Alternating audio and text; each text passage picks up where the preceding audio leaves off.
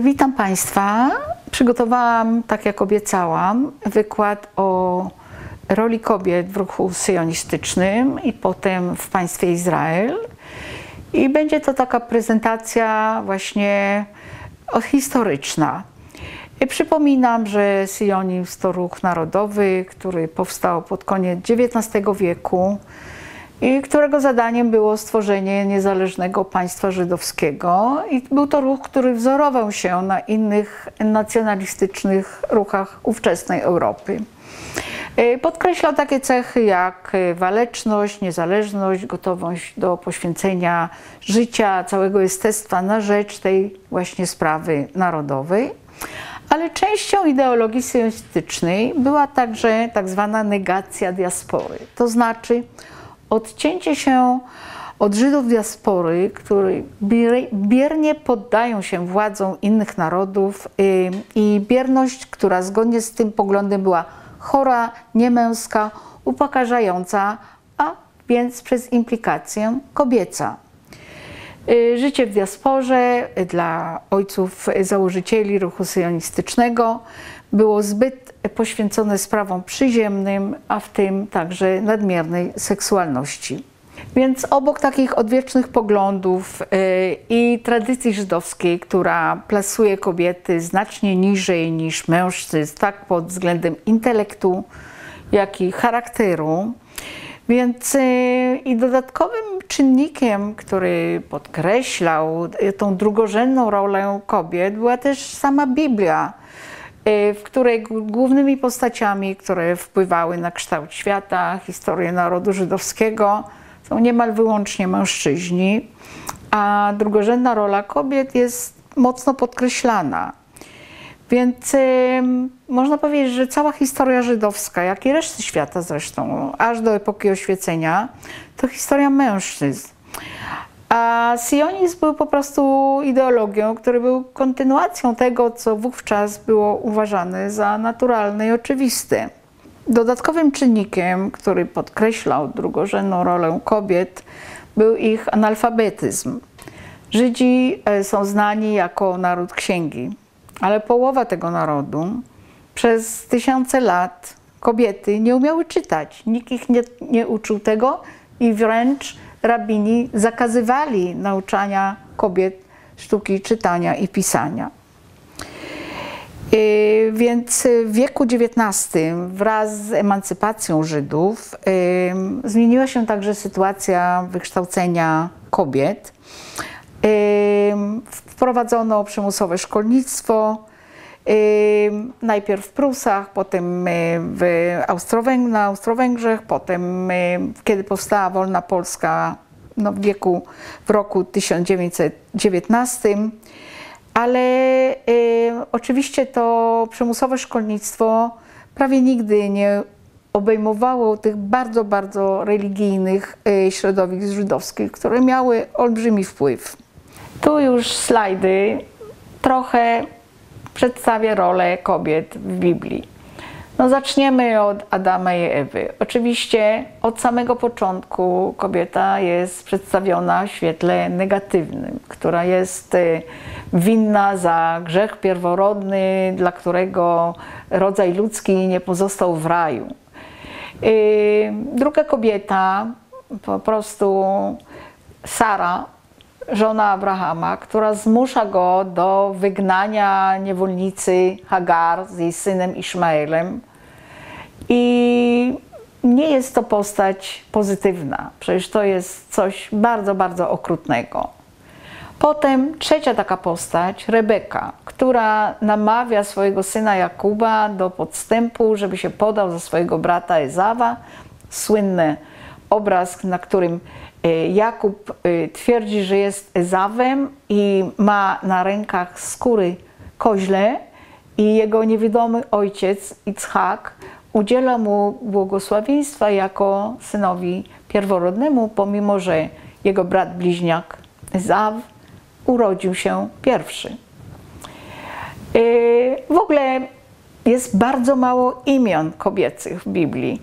Jest około 100 kobiecych imion e, w porównaniu z tysiącami imion męskich. Więc y, y, mamy takie nazwy jak żona Manoacha, to znaczy matka Samsona. Ona nie ma imienia, tylko jest żoną y, człowieka, który się nazywa Manoach. Więc następne, co w Biblii jest bardzo, bardzo wypuklone, że kobieta jest właściwie towarem. Z towarem, który się kupuje. Tutaj e, na tych slajdach mamy scenę, kiedy Rebeka poi e, wielbłądy e, służącego Abrahama i on ją właściwie kupuje od jej ojca za bardzo dużą ilość przepięknych złotych klejnotów i pieniędzy.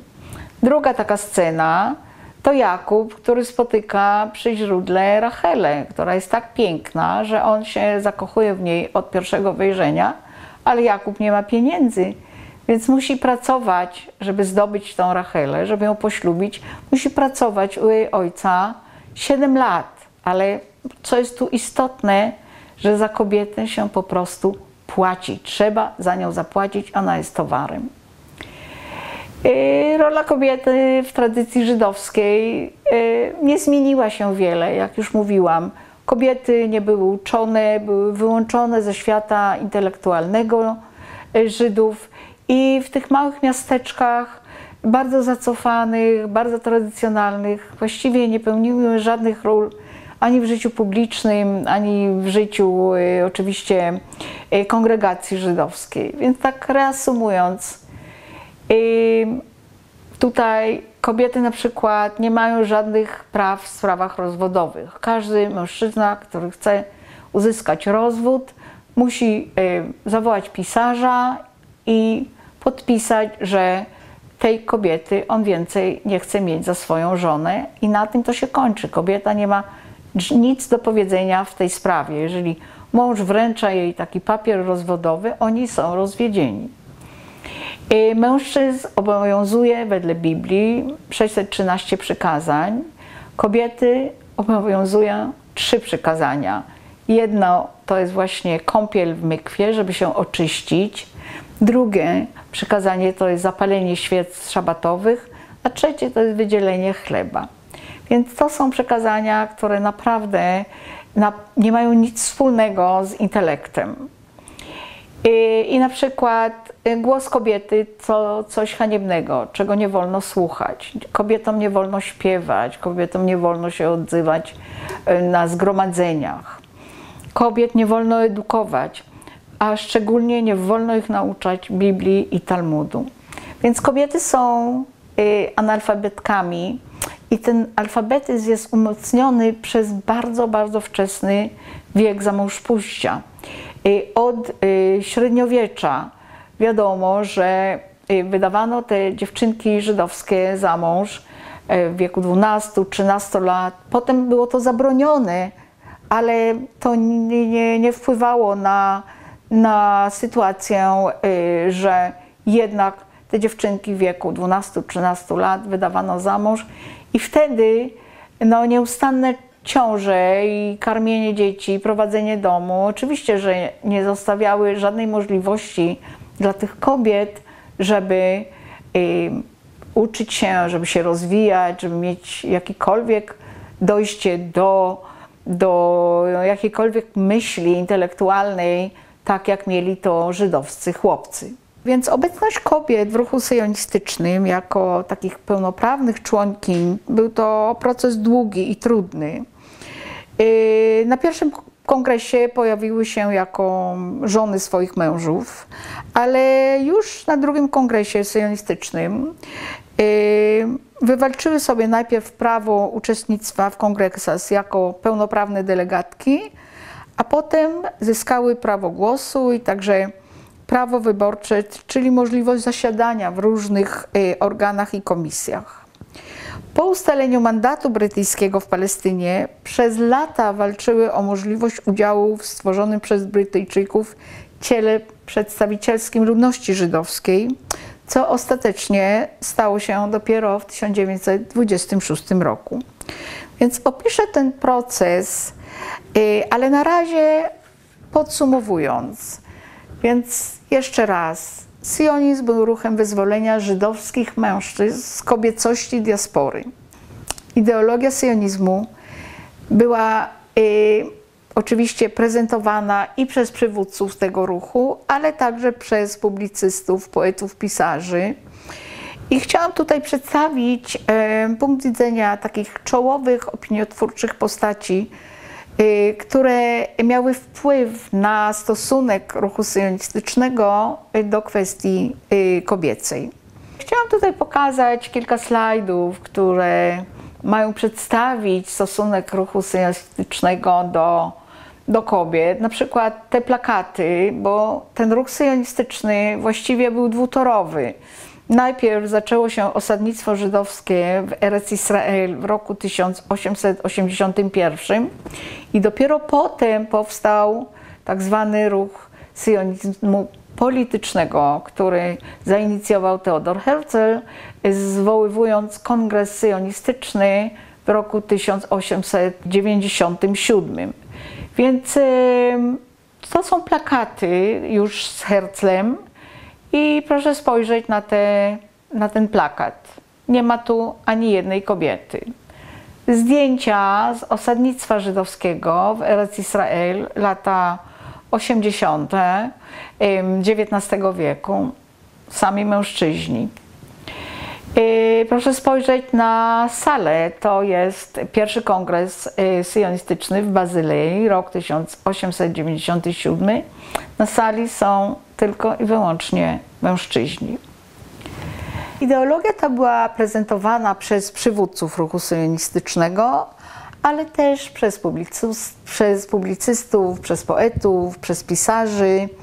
I chciałabym tutaj pokazać punkt widzenia takich kilku czołowych opiniotwórczych postaci, które miały wpływ na ruch syjonistyczny właśnie w tej kwestii kobiecej.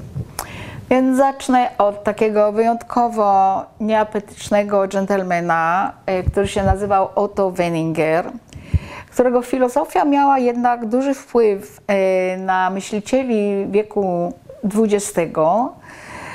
Otto Wenninger pochodził z żydowskiej rodziny, e, ale zmienił religię i w roku 1000 1902 przyjął religię protestancką, a rok później, w roku 1903, popełnił samobójstwo.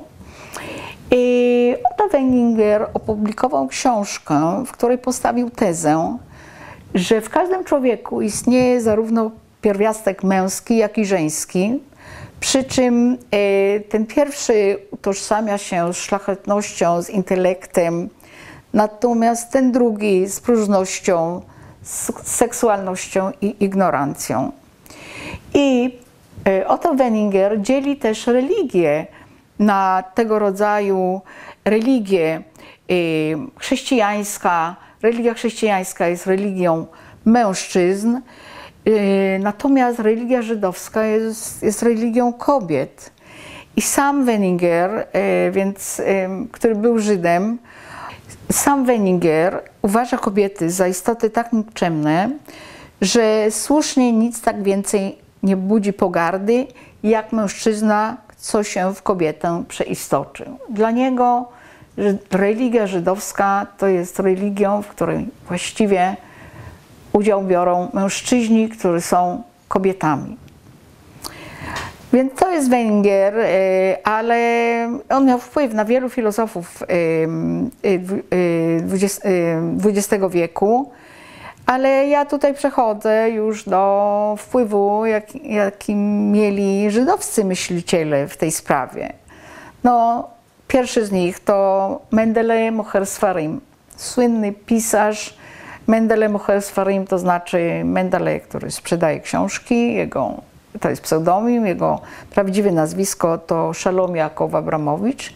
I on jest właściwie najstarszym z klasyków nowoczesnej e, literatury i w języku jidysz, i w języku hebrajskim, bo Mendele na początku pisał po hebrajsku, potem biorąc pod uwagę, że jednak odbiorców e, dla książek w języku hebrajskim jest bardzo mało, język też nie jest dostatecznie bogaty, zaczął pisać w języku jidysz i uzyskał olbrzymią popularność, ale pod koniec życia wrócił do pisania w języku hebrajskim.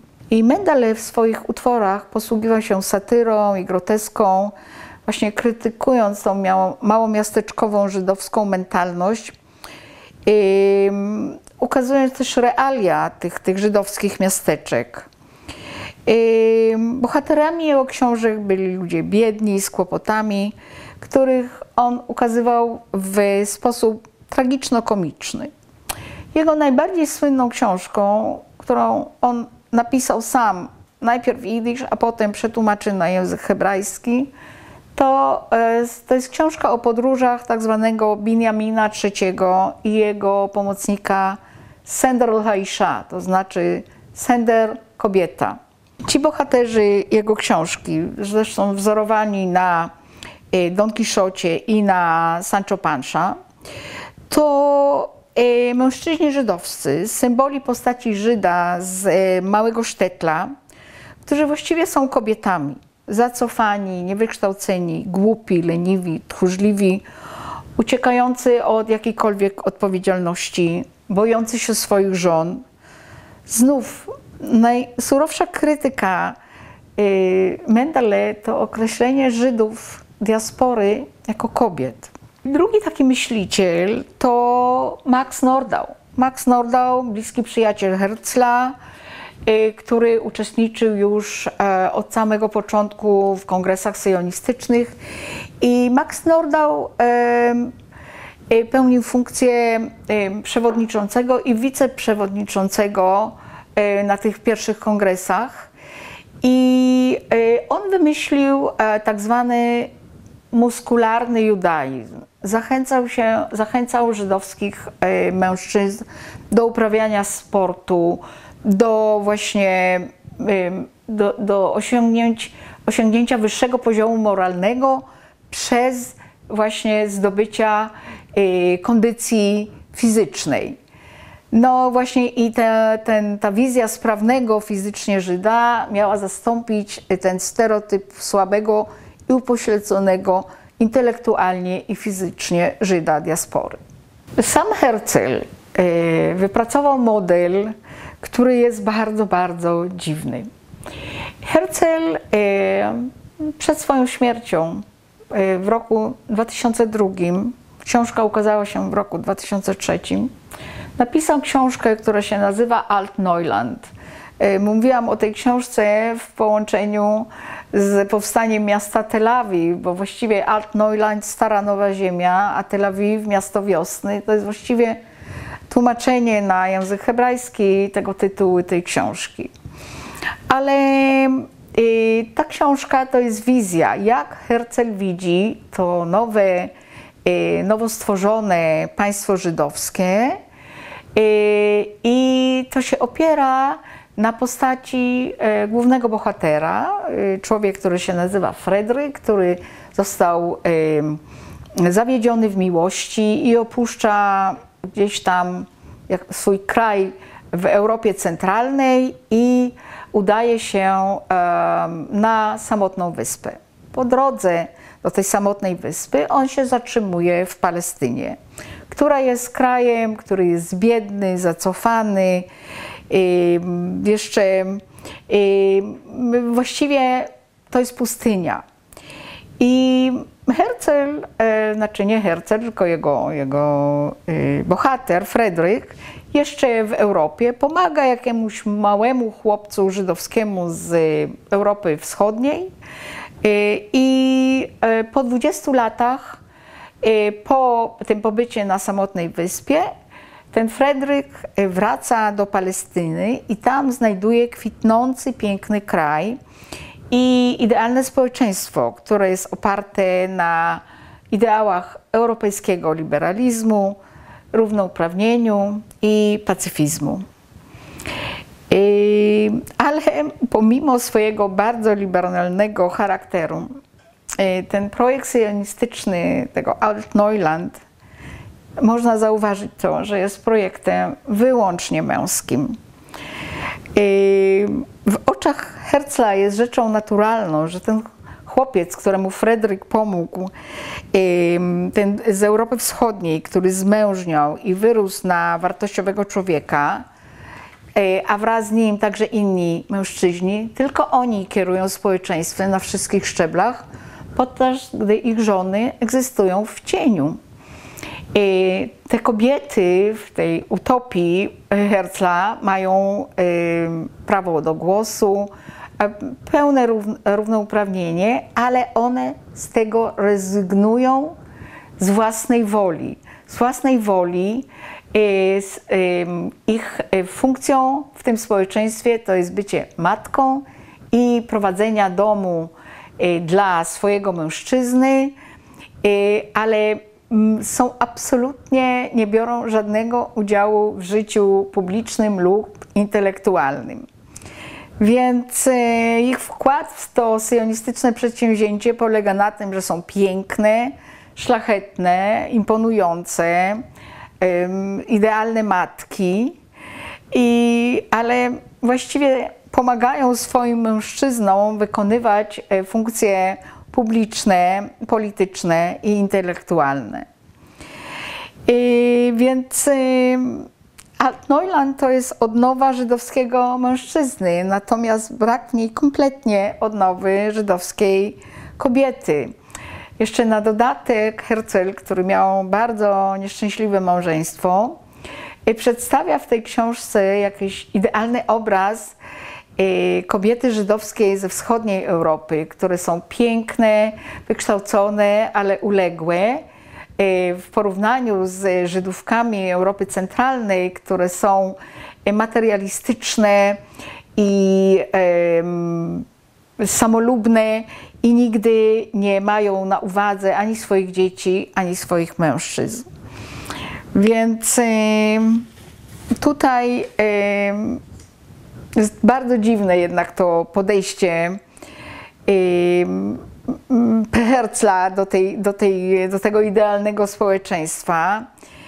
Y, I w tej utopii sionistycznej nowi żydowscy mężczyźni y, odrodzili się na wzór nowoczesnych y, ideałów europejskich, znajdują w swoich żydowskich żonach doskonałych partnerów, które są jednak tymi kobietami tradycyjnymi e, starego i dobrego porządku, e, który obowiązywał e, w rodzinach żydowskich od tysięcy lat. Więc biorąc pod uwagę tych wszystkich przywódców ruchu syjonistycznego, tych intelektualistów, poetów, pisarzy, to właściwie Jaka była pozycja kobiet, przynajmniej oficjalnie, w ruchu i w organizacjach e, syjonistycznych? E, musimy jednak wziąć pod uwagę, w jakiej epoce e, odbywa się ta cała historia walki żydowskich kobiet o swoje prawa. Więc przede wszystkim mamy ruch sufrażystek, y, które walczą o prawo głosu dla kobiet. Przechodzę teraz do roli kobiet w ruchu syjonistycznym, ale już w samej Eretz Israel. Już y, jeżeli chodzi o ruch syjonistyczny, to na kongresach kobiety wywalczyły sobie prawa głosowania i prawo do uczestniczenia aktywnie w tym ruchu, ale co się dzieje w Eretz Israel? W Eretz Israel istnieją dwie społeczności żydowskie. Jedna to jest właśnie ta ludność pierwszej Alii, która przybyła z Rosji, osiedliła się na roli, kobiety, mężczyźni, ale to były rodziny. Jeszcze bardzo, bardzo zakorzenione w e, konserwatywnej wizji rodziny żydowskiej Natomiast druga część Iszuwu to było tak zwane stare osadnictwo i aszkenazyjskie i sefaradyjskie, które żyło od setek lat y, z dotacji. Więc y, mamy tutaj skrajnie ortodoksyjną część społeczeństwa żydowskiego, a z drugiej strony mamy, y, mamy bardzo na początku postępowe, a potem jeszcze bardziej postępowe, bo socjalistyczne organizacje, które w czasach drugiej Ali właściwie już wychodzą z założenia, że e, równouprawnienie kobiet to jest coś, co, co jest rzeczą, rzeczą naturalną. Więc mamy takie dwie społeczności, które są mniej więcej, e, mniej więcej tej samej wielkości. I e, tutaj muszę zrobić małą dygresję i omówić sytuację polityczną w Eretz Israel. Bo w chwili, kiedy w czasach pierwszej i drugiej Ali, to jest rok 1881, e, rok 1903 do 1914, Palestyną rządzi Imperium Otomańskie. To się zmienia dopiero w roku 1917. Przede wszystkim rząd brytyjski publikuje tak zwaną deklarację Balfoura, Balfour jest y, ministrem spraw zagranicznych Wielkiej Brytanii i Balfour y, to nie jest deklaracja, to jest list, który on pisze do Lorda Rothschilda jako przewodniczącego kongregacji żydowskiej Wielkiej Brytanii i w którym zawiadamia go, że rząd brytyjski będzie popierał stworzenie siedziby narodowej dla Żydów w, w Palestynie. No to jest jednak pierwsza bardzo ważna deklaracja Wielkiego Mocarstwa opublikowana i to jest pierwszy krok y, ku państwowości właściwie. Y, ale potem, y, miesiąc później, faktycznie Wielka Brytania zdobywa Jerozolimę. Tutaj jest słynne zdjęcie generała Allenby, Y, który wkracza do Jerozolimy na piechotę, dlatego że mówi, że tego miasta się nie zdobywa. On y, wchodzi tam jako pokorny człowiek, nie na koniu. Tutaj mamy z boku widać też żydowskich żołnierzy, którzy walczyli w armii brytyjskiej, właściwie właśnie przeciwko Turkom. I społeczeństwo żydowskie wychodziło z założenia, że ponieważ tak przyczynili się do, do zwycięstwa Brytyjczyków, bo też e, powstały organizacje, które przekazywały informacje, więc że Brytyjczycy przede wszystkim e, oparcie na e, deklaracji Balfoura, ale też biorąc pod uwagę zasługi tych żołnierzy żydowskich, którzy walczyli tam razem z wojskami brytyjskimi w Eretz Israel, że y, Brytyjczycy y, pozwolą im działać samodzielnie i faktycznie zapada postanowienie, żeby ludność żydowska w Eretz Israel wybrała tak zwany, no można to dzisiaj nazwać, parlament, żeby wybrała swoich przedstawicieli, którzy będą ich reprezentowali wobec władz brytyjskich. I tutaj zaczyna się wielki problem. Dlatego, że, jak już powiedziałam, ponieważ ludność żydowska jest w połowie, to jest ta ludność bardzo ortodoksyjna, to, to, to ten stary Iszów, I to jest 50% społeczeństwa żydowskiego. Drugie, druga część to są właśnie ci bardziej postępowi Żydzi, którzy przybyli z Europy, którzy zakładają wsie, kibuce, miasta, e, ale oni nadal stanowią tylko 50% ludności.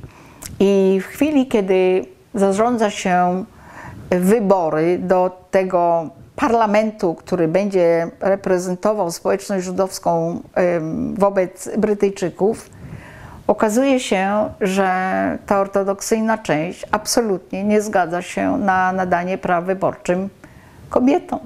To społeczeństwo ortodoksyjne y, było przeciwne nadaniu praw y, głosu y, kobiet ponieważ y, widzieli w tym y, symbol zniszczenia podstawowych wartości, którymi to, to społeczeństwo żyło. Właściwie mniej skrajni religijni Żydzi nie chcieli kłótni z ruchem ortodoksyjnym. Nawet te partie robotnicze i socjalistyczne, które wspomniałam, tak zwana druga i trzecia alia, nie była gotowa walczyć o prawa kobiet i tym samym ryzykować odmowę udziału ultraortodoksów w wyborach, bo mogło to doprowadzić do tego, że Brytyjczycy odmówiliby uznania wybranych posłów jako organ przedstawicielski całej społeczności żydowskiej w Eretz Israel. I w tej sytuacji z powodu frustracji, rozczarowania, yy, właśnie w świetle ich wkładu w te przedsięwzięcia sojonistyczne, kilka grup kobiet z wszystkich możliwych partii yy, politycznych yy, stworzyło Stowarzyszenie Kobiet Hebrajskich na rzecz równych praw. I rozpoczęła się walka o prawa wyborcze dla kobiet w Palestynie. I te, te wybory z powodu właśnie tego przyznania kobietom praw wyborczych odraczano i odkładano od roku 1918 do roku 1925 bo odbywały się demonstracje, konfrontacje, radzono się wszystkich rabinów, nawet takich, którzy uważano za postępowych, każdy z nich y, dawał odpowiedź, że Tora zakazuje publicznej roli dla kobiet i, i nawet te środowiska ultrareligijne naciskały, że przeprowadzić referendum w tej sprawie bez udziału kobiet. Ostatecznie to referendum zostało odwołane i w wyborach do Zgromadzenia Narodowego, które odbyły się w roku 1925, kobiety już uczestniczyły, które się zjednoczyły, y, więc uczestniczyły zarówno jako wyborcy, jako i z możliwością być wybranym na, na, na różne funkcje. Także kobiety religijne należały do tego ruchu. Więc y, oficjalnie walka o przyznanie prawa wyborczego kobietom i szuwu zakończyła się zwycięstwem, mimo że tych głosowaniach nie brali udziału właśnie te kręgi ultraortodoksyjne. Ale właściwie to już nie miało znaczenia, dlatego że w latach dwudziestych napłynęło z Europy, przede wszystkim z Polski, tyle ludzi, którzy już byli e, w procesie akulturowania, którzy byli wykształceni, e, dla których było nie do pomyślenia, że w całym tym e, przedsięwzięciu syjonistycznym, które jest modernistyczne, żeby w chwili, kiedy kobiety na całym świecie otrzymały prawo głosu, więc nie ma to E, żadnego sensu, żeby kobiety w tak e, nowej e, ideologii syjonistycznej, nowej, liberalnej, socjalistycznej, żeby one tego prawa do głosu nie miały, więc bardzo dużo wiatru w żagle tym kobietom. Oczywiście nadały te wszystkie kraje, które przyznały kobietom po I wojnie światowej, przyznały kobietom prawo głosu. Więc trzeba też wziąć pod uwagę, że to zwycięstwo kobiet y, o prawo do, do, do głosu wynikało nie tylko z tego, że one się zjednoczyły właśnie bez względu na ich przynależność do partii religijnych, ale też, że jednak kobiety w Eretz Israel należały do elity tego nowego osadnictwa. Ich praca zawodowa jako przedszkolanki, nauczycielki, pisarki, poetki, dziennikarki postawiła je na szczycie drabiny społecznej.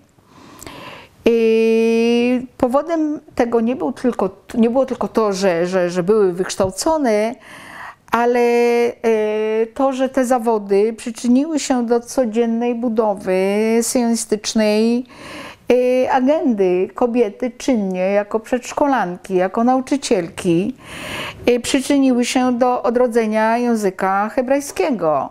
Właśnie wielu myślicieli mówiło, że człowiek może się nauczyć obcego języka poprzez 10 lat, i nigdy nie będzie mówił dobrze. Natomiast w przedszkolu w ciągu dwóch, trzech lat dziecko od razu uczy się tego języka jako języka ojczystego. Więc y, przedszkole hebrajskie zyskało olbrzymie znaczenie w procesie przekształcenia właśnie tego hebrajskiego w język y, mówiony. Pierwsze przedszkole hebrajskie w, w Eretz Israel zostało założone już w 1898 roku i tutaj jest Esther Shapira, która była pierwszą przedszkolanką i jak widzicie przedszkole jest mieszane, są dziewczynki i chłopcy, więc nie ma tutaj tego tradycyjnego podziału, że chłopcy idą do Hederu, a dziewczynki jeżeli są uczone, to są uczone w domu albo może, że, że chodzą do, do szkoły żeńskiej. Nie, przedszkole w Eretz Israel od samego początku, tak jak i szkoły, były mieszane. No i teraz y, przechodzimy do kwestii, jaka była rola kobiet w ruchu syjonistycznym. To już omówiliśmy na samych jego początkach, ale jaka była ta rola kobiet y, w współczesnym państwie Izrael? Więc wychodząc z założenia, że jednak okres międzywojnia do stworzenia państwa kształtował społeczeństwo izraelskie, więc pokazuje tutaj, że właściwie to społeczeństwo jednak było społeczeństwem opartym na męskości, na waleczności. To jest pionier, to tutaj wysoki, młody mężczyzna, który walczy. Kobiety nie walczyły. Pierwszym męczennikiem i, i wzorcem do naśladowania to był Józef Trumpeldor, który poległ w roku 1920 w obronie mm, miejscowości Tel Hai. I to jest e, słynny pomnik, który go upamiętnia. E, I to jest lew, nie lwica. E, inny mm, wyraz tego, jak bardzo znaczący dla, dla tego sionizmu już w samej Eretz Israel był, był mężczyzna, to jest słynna rzeźba myśliwego Nimroda, postać biblijna, nie żydowska, ale proszę zobaczyć, to jest już rok 1938, jest tutaj młody, nagi mężczyzna, który ma na ramieniu sokoła. To nie jest kobieta. I tutaj pokazuje te oddziały, które, które powstały jeszcze podczas II wojny światowej, potem zeszły do podziemia, które właściwie walczyły w wojnie o, o niepodległość. Y, tutaj y, brygada Jiszuwu w wojsku brytyjskim, proszę zauważyć, ta, ta, ta jednostka, która walczy, to są tylko i wyłącznie mężczyźni. Były kobiety w w wojsku brytyjskim kobiety żydowskie i były kobiety w Palmachu, ale nigdy nie walczyły na pierwszej linii frontu. I tutaj też trochę y, właśnie takiej dygresji pokazać, jaka jest sytuacja w Eretz Israel. Więc Brytyjczycy w roku 1939 opublikowali tak zwaną Białą Księgę, który ograniczał aliję żydowską do 75 tysięcy przez 5 lat i zakaz sprzedaży ziemi Żydom. Y, dlaczego tak nagły zwrot od tej deklaracji Balfura, od popierania stworzenia siedziby narodowej dla Żydów? No po prostu Brytyjczycy zdają sobie sprawę, że wybuchnie wojna z Hitlerem i z czego by nie zrobili, Żydzi będą ich popierać. Natomiast ludność arabska i w Palestynie, i w innych krajach arabskich. To, to nie jest coś, co jest samo przez się zrozumiałe, że będą popierać Brytyjczyków. Więc e, to ograniczenie Ali, właściwie odejście od popierania ideologii sionistycznej, to jest taki krok e, w stronę e, krajów arabskich. I on jest bardzo skuteczny, bo kraje arabskie faktycznie podczas wojny żaden z nich nie zawiera paktu z Hitlerem. Więc jak Jeszów e, reaguje na, to, na te ograniczenia? Jeszów e, po prostu z końcem wojny tworzy tak zwaną, tak zwaną aliję bet, nielegalną aliję, która polega na tym, że Żydzi, którzy ocaleli z Holokaustu, kupuje się statki, na których oni się przemieszczają. Te statki, marynarka brytyjska, większość tych statków przechwytuje i zawraca tych ludzi do, do obozów przejściowych w Europie i tworzą też obóz na, na Cyprze. Ale część tych ludzi jednak się przedostaje, bo tutaj właśnie bojownicy Palmachu i ci, którzy byli w brygadzie brytyjskiej, znaczy podziemie żydowskie organizuje przerzut tych ludzi właśnie z tych, które statki takie dobijają prawie do brzegu w nocy i ci ludzie e, są e, ostatnie kilkanaście metrów e, już w wodzie, wydostają się na brzeg i ci bojownicy Palmachu im w tym pomagają. I dowódca Palmachu, Itzhak Sadeh, pisze taki wzruszający poemat, taka sytuacja, że, że stoi e, przede mną moja siostra, znaczy kobieta, która właśnie zeszła z takiego statku, brudna, rozczochrana, stopy są bose, głowa opuszczona, stoi łka. I, I tutaj e, ona szlocha i mówi: Przyjacielu, czy zasługują na to, aby młodzi, zdrowi ludzie ryzykowali dla mnie swoje życie? Nie ma dla mnie miejsca na świecie, nie powinnam żyć. I tutaj on pisze, że niegodziwcy wykorzystywali ją, sprawili, że stała się bezpłodna, a ona szlocha. Więc y, dla niego ona jest siostrą. Obejmują siostrę za ramiona i mówią do niej: Masz miejsce na świecie, moja siostro, miejsce wyjątkowe i szczególne. Jest ono tutaj, w naszym kraju. No i y, to jest bardzo wzruszające i piękne. I to zostaje opublikowane w takiej gazetce Palmachu. Ale jaki jest przekaz?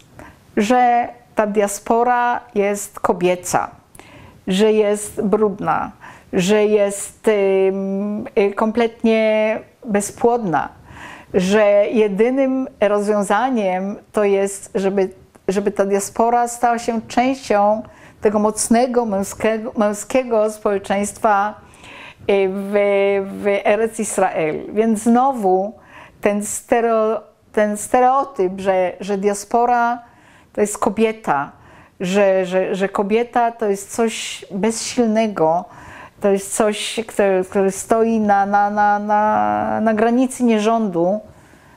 To jest ten sam przekaz, który mieli y, ojcowie syjonizmu gdzieś tam w XIX wieku.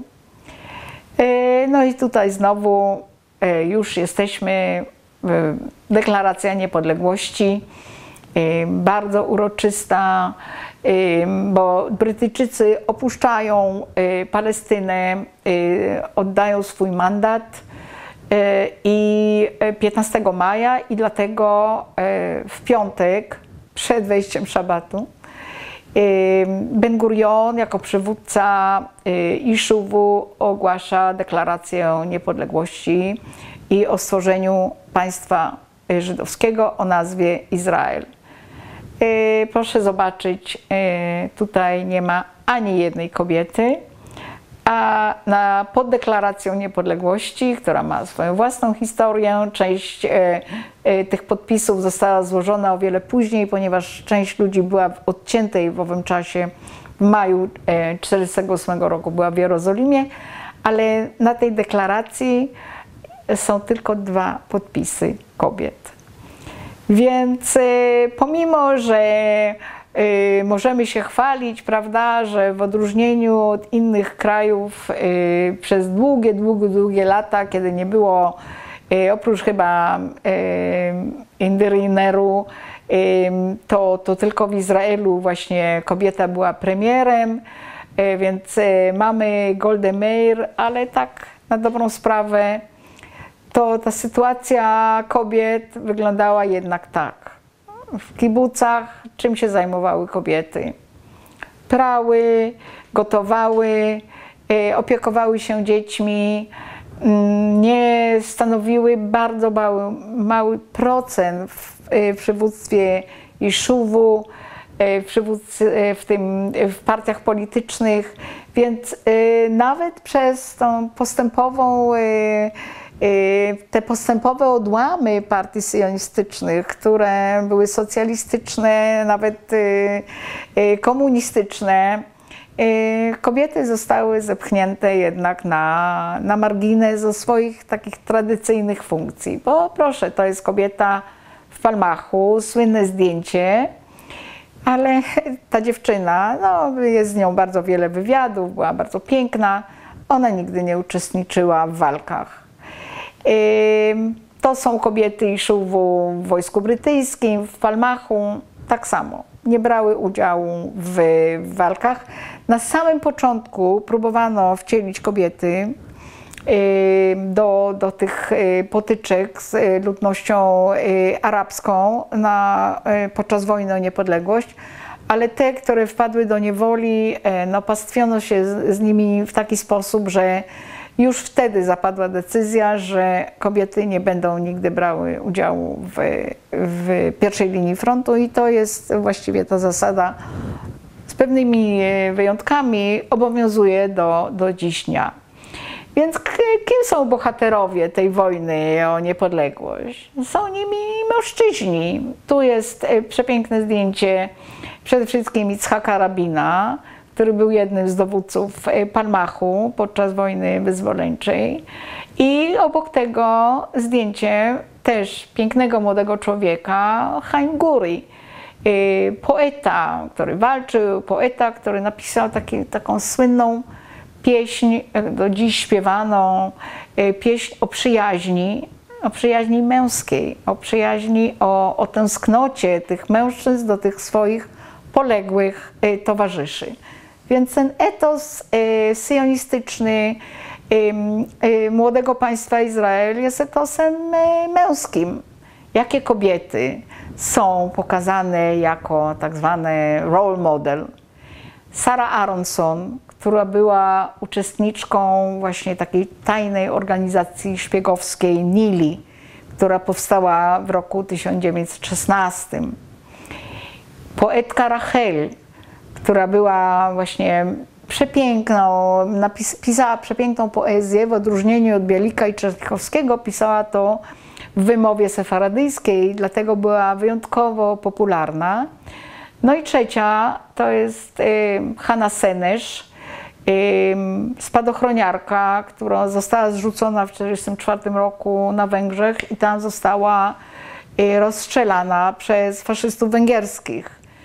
No i jeszcze inna taka Netiva Ben Yehuda, yy, zwana Żółtą Diablicą, która na początku właśnie wojny o niepodległość uczestniczyła w walkach, a potem razem z innymi kobietami została wycofana z frontu. Ale proszę zauważyć, yy, kogo, jakie kobiety są, tymi, są tym wzorcem do naśladowania. Kobiety młode, które nie posiadają dzieci, y, które nie mają tej wewnętrznej rozterki, czy zająć się właśnie y, sprawami publicznymi, poświęceniem życia, czy jednak zająć się y, dziećmi, rodziną, mężem. I właśnie dlatego tak, takie kobiety, które są, nie, mają, nie mają rodziny, nie mają dzieci, Y, które poświęciły swoje życie, one są y, tymi bohaterkami narodowymi. I y, izraelskie żołnierki, oczywiście w Izraelu obowiązuje obowiązkowa służba wojskowa dla kobiet od samego początku. No i widzicie piękne, zgrabne dziewczyny, y, tutaj akurat y, z karabinem Uzi. Ale jak już powiedziałam, Właściwie to ich służba wojskowa wygląda tak. W większości jest to praca w usługach, praca, gdzie się robi e, kawę dla dowódcy, gdzie się wypełnia różne formularze. W większości wypadków po prostu to jest tak żmudne i tak nieinteresujące. I to jest wielka szkoda, że kobiety inteligentne, wykształcone nie są, e, są tak marnowane w tym wojsku izraelskim jako urzędniczki. Tak, no, no.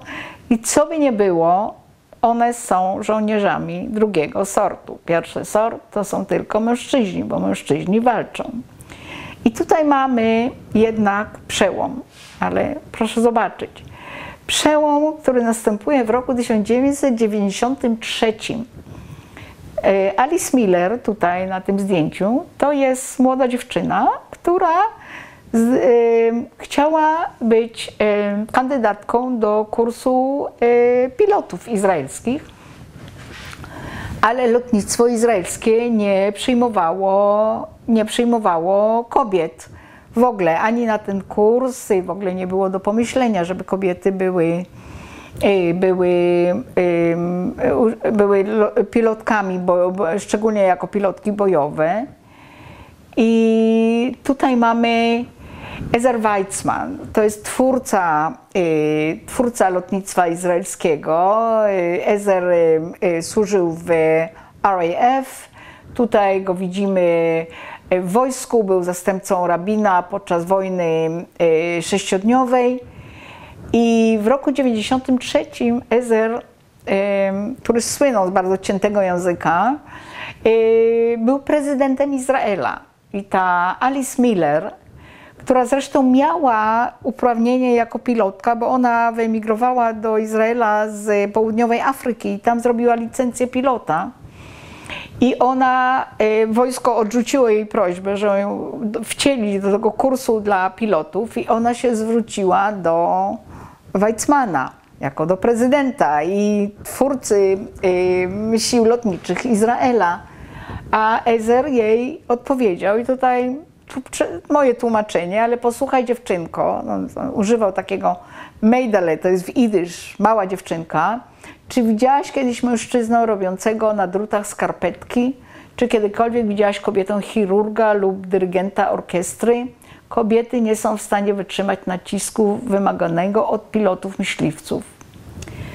Więc Alice Miller nie zrezygnowała z tego swojego, jakby to powiedzieć, marzenia i podała po prostu wojsko izraelskie, złożyła pozew do Sądu Najwyższego i wygrała wygrała i lotnictwo, i wszystkie inne jednostki bojowe w wojsku izraelskim. To był proces, nie, nie, nie z dnia na dzień, ale pierwsze to było właśnie ten kurs e, dla pilotek.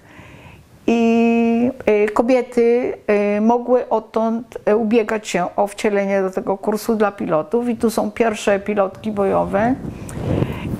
Zaznaczam tutaj, że to jest ta druga, nie, nie widać ich, prawda, bo nie, nie, póki są, służą czynnie wojsku, nie można pokazać twarzy pilotów wojskowych, ale jedna z tych dziewczyn to jest Roni Zuckerman. Roni Zuckerman, znaczy wnuczka Antka Zuckermana i Cyril Lubetkin, którzy brali czynny udział w powstaniu getta warszawskiego. Tutaj pokazuję y, kobiety, które już uczestniczą w jednostkach y, polowych. Y, częściowo to jest, te, te jednostki są przemieszane, ale tutaj po prostu widać te kobiety na, na ćwiczeniach. No i pokazuję tutaj rząd Izraela, ostatni rząd, w którym jest 25 ministrów. Jest jednak 9 kobiet na pozycjach Y, ministerialnych, więc y, jednak jest y, trochę lepiej, ale jednak symbolem Izraela to jest ten mały srulik. Jak widzicie, to jest chłopczyk i ten sabra, cabar to jest jednak symbol tej izraelskiej męskości. Dziękuję.